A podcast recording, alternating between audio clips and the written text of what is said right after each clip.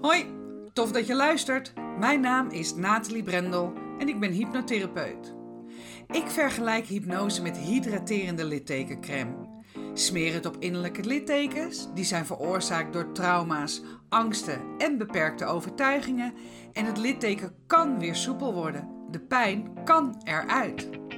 In deze podcast ga ik, naast hypnose, op zoek naar andere hydraterende littekencremes. Want wat is er allemaal te vinden in het alternatieve therapieëncircuit?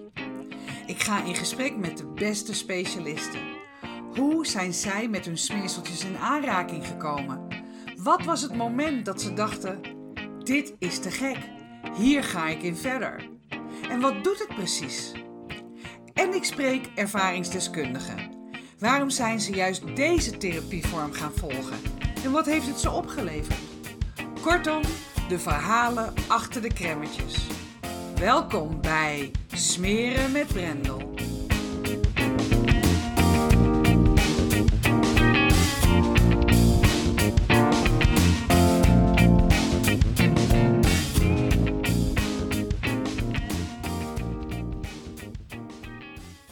Begrijp me niet verkeerd hoor. Ik vind podcast maken superleuk. Um, de interviews, de gesprekken die ik heb ook echt heel waardevol. De posts die ik heb op LinkedIn en ook de nieuwsbrief die ik maak. Ja, daar steek ik echt tijd in. Daar ben ik echt mee bezig. Dat is uh, geen uh, chat uh, GPT shit. maar wat ik toch het aller, allermooiste vind om te doen, is met cliënten bezig zijn. En deze week had ik ook weer sessies die mij zo ongelooflijk hebben verwonderd. Ik ben echt gewoon mind blowed bij wat ik zie. Hoe snel mensen door hun shit heen werken met hypnose. Het is echt ongelooflijk. Ik had diverse klanten die te maken hebben met angsten. Die bang zijn voor hoogtes of tunnels of nou, autorijden of in de bergen of ja, al het vliegen. Allemaal verschillende soorten angsten ontwikkeld. En er is een hypnosetechniek die heet de fastfobia. En de fastfobia is een evidence-based techniek. Daar is echt onderzoek op gedaan. En ik zal de onderzoeksresultaten trouwens in de show notes uh, zetten, mocht je geïnteresseerd zijn na dit verhaal. Maar de fastfobia is ontwikkeld door Richard Bandler. En Richard Bandler is voor mij wel een goeroe, um, want hij is de, ja, de ontwikkelaar van NLP, neurolinguistisch uh, programmeren. Dat heeft hij ontwikkeld. Samen met trouwens met uh, John Grinder, niet alleen. Uh, NLP, dat neurolinguistisch programmeren. Ja, dat is. Ja, dat is gewoon hypnose, NLP, daar komt zoveel overheen. Dus dat gebruiken wij binnen hypnose ook heel erg vaak. En hij heeft deze techniek ontwikkeld. Want NLP, wat NLP uh, eigenlijk doet, is dat zij kijken naar bepaalde groep mensen. Hè, uh, hele uh, nou, succesvolle therapeuten bijvoorbeeld hadden ze, hebben ze bestudeerd. Hoe die werken, hoe die doen, wat die communiceren, bla bla. Daar maken ze dan een model van. En vervolgens ja, leren ze anderen dat model. Dus dus wat ze eigenlijk zeggen is dat je zelf door bepaalde dingen te gaan doen, bepaalt hoe je leven eruit ziet. En wat had die Richard Bentler nou uh, gedaan? Die uh, had in tegenstelling tot wat uh, waarschijnlijk alle psychologen toen ter tijd deden, kijken naar de mensen met de trauma's en met de angsten en de fobieën. en met hen in gesprek zijn over wat ze voelen, ervaren en wat dan ook. Wat hij juist deed, was mensen die hersteld waren van een uh, trauma. Mensen die zich, um, ja, die, die, die niet meer angstig deden. Mensen die dus over hun fobie heen waren gegroeid. Zoals we dat uh, noemen, je groeit eroverheen. Hij ging aan die mensen vragen: joh, wat heb je gedaan? Hoe komt het dat je nu niet meer bang bent voor spinnen, of niet meer bang bent voor hoogte, of niet meer.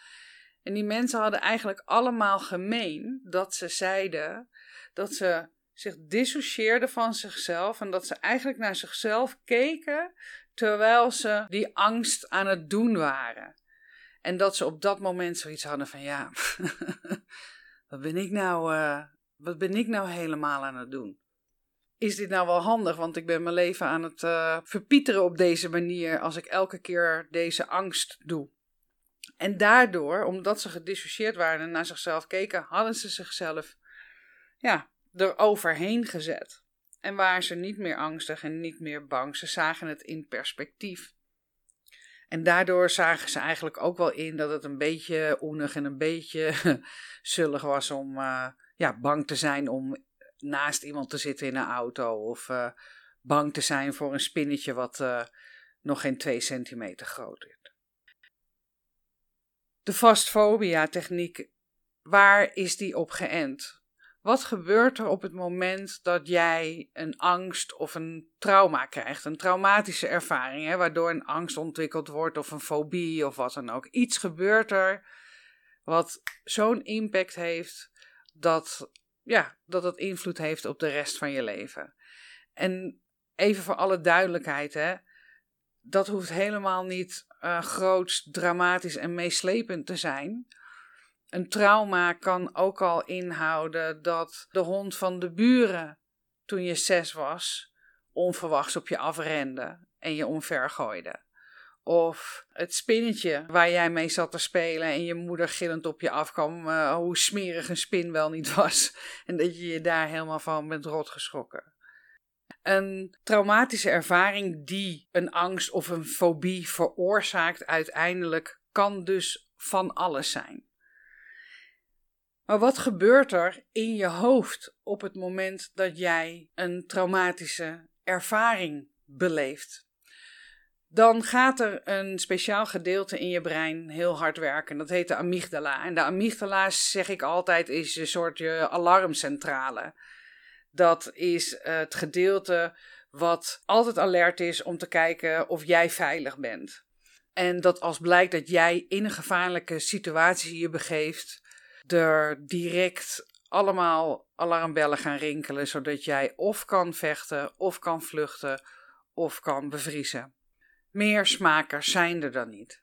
Maar het kan dus voorkomen dat een traumatische ervaring zo'n impact heeft dat er plotseling een informatieoverbelasting optreedt. Want op het moment dat jij in gevaar bent en voelt dat het levensgevaarlijke situatie, dat je in een levensgevaarlijke situatie bevindt, dan zal jouw brein daar direct op reageren. En de amygdala zet weer andere delen van het brein in werking, waardoor het stresshormonen worden aangemaakt. En die stresshormonen die zorgen er weer voor dat je lichaam dus in paraatheid uh, wordt gebracht om dus te kunnen reageren op die situatie. En dat doet je lichaam bijvoorbeeld door de lichaamsfuncties die niet per se essentieel zijn om te overleven op een uh, lager pitje te draaien.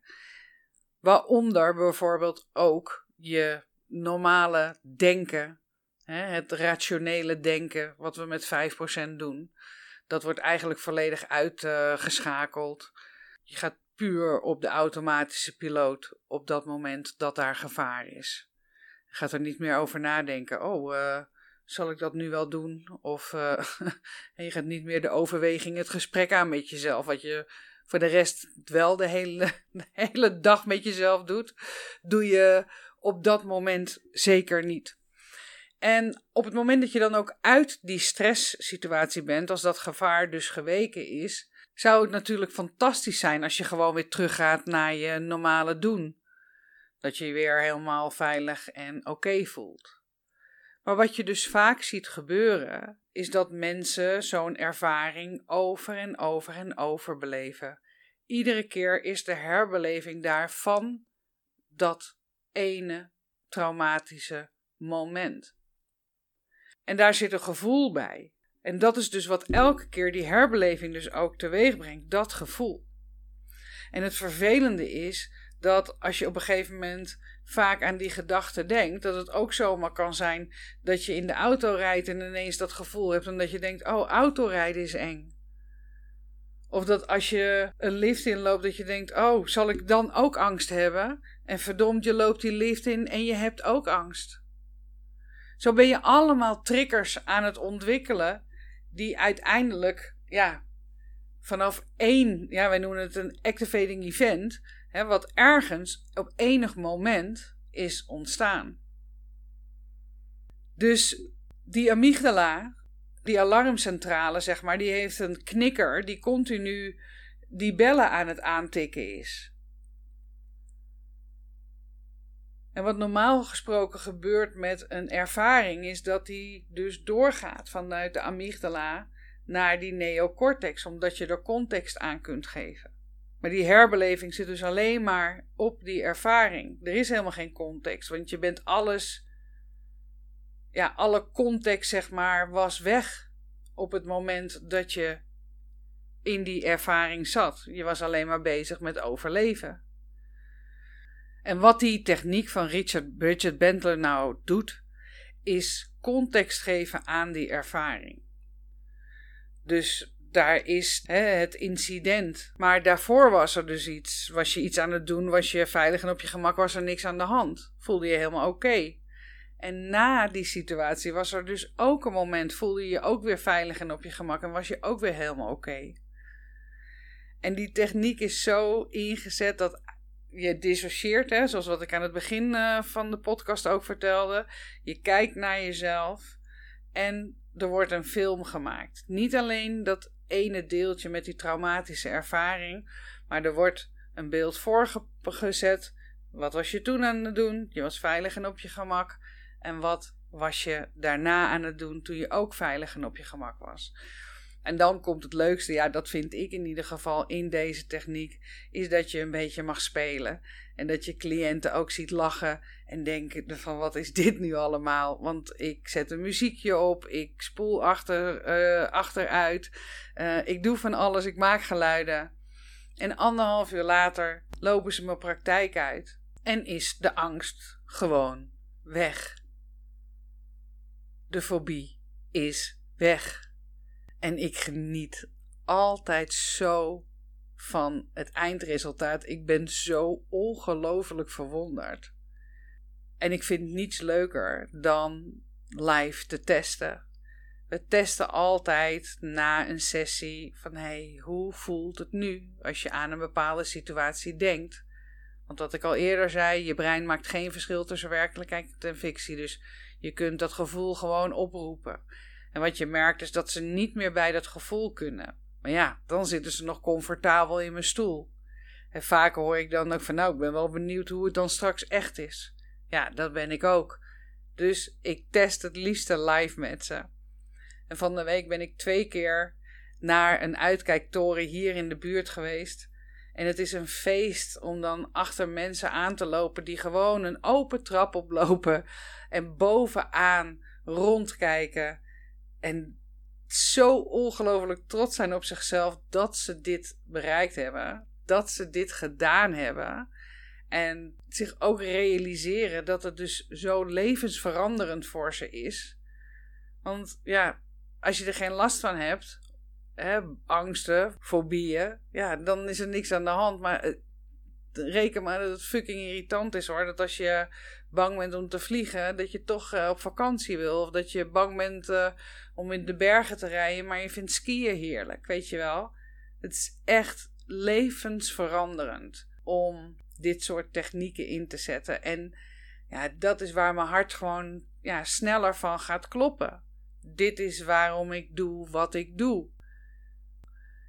Hoe makkelijk is het om naar de dokter te gaan en een pilletje te halen voor je angst of voor je fobieën. 1,2 miljoen Nederlanders zit aan de antidepressiva. 1,2 miljoen. En bij mij lopen mensen na anderhalf uur de praktijk uit zonder. Tuurlijk, de herinnering is er natuurlijk nog, hè? Daar geen misverstand over. Het wordt ook geen fijne. Maar het gevoel is losgekoppeld. En dat is natuurlijk magisch. Magisch vind ik het gewoon. Afijn, dat gezegd hebbende, dit is ook de reden waarom ik deze podcast ben begonnen. Om mensen te spreken die ja, zo'n techniek zoals ik dus ook van de week eh, bij mijn uh, cliënt heb gedaan, zo'n therapievorm hebben gevolgd en die daar echt een levensveranderende ervaring door hebben gekregen. Ik zou het super leuk vinden om met jou in contact te komen en wellicht een mooi gesprek te hebben voor deze podcast. En dat je dus ook een inspiratie kunt zijn voor de luisteraars. Want jullie komen met steeds meer, wat ik trouwens waanzinnig waardeer. Dank je wel daarvoor. Ehm, zodat je ook een inspiratie kunt zijn voor anderen. Om te kijken, hey, is dat wat? Is het interessant om uh, een keer naar een hypnotherapeut te gaan? Dat hoeft niet eens naar mij. Maar snap je? Om gewoon eens een keer wat anders te doen als wat je altijd deed. Ben je zo iemand? Heb je dat gedaan? Wil je erover vertellen? Welk puntje stond op het moment dat je die therapievorm ging volgen en wat het voor je gedaan heeft? Ja, laat mij uh, het weten. Mijn uh, contactgegevens staan ook in de show notes. En hetzelfde geldt voor de specialisten. Hè? Ik bedoel, mensen die net zo begeisterd zijn geraakt als ik, dat je je beroep ervan hebt gemaakt. Ook jullie zou ik heel graag willen spreken. Een EMDR-specialist, een EFT-specialist, een paardencoach zodat we zoveel mogelijk mensen kunnen laten weten dat dit soort therapievormen er zijn. En wat een waanzinnig helend werk het met zich meeneemt. Zodat je ook gewoon daarna weer verder kunt. En dat is zo bevrijdend. Mensen voelen zich gewoon bevrijd. Je wilt niet geloven. Een van mijn twee cliënten van van de week, die heeft gewoon een rijles aangevraagd. Ja, weet je.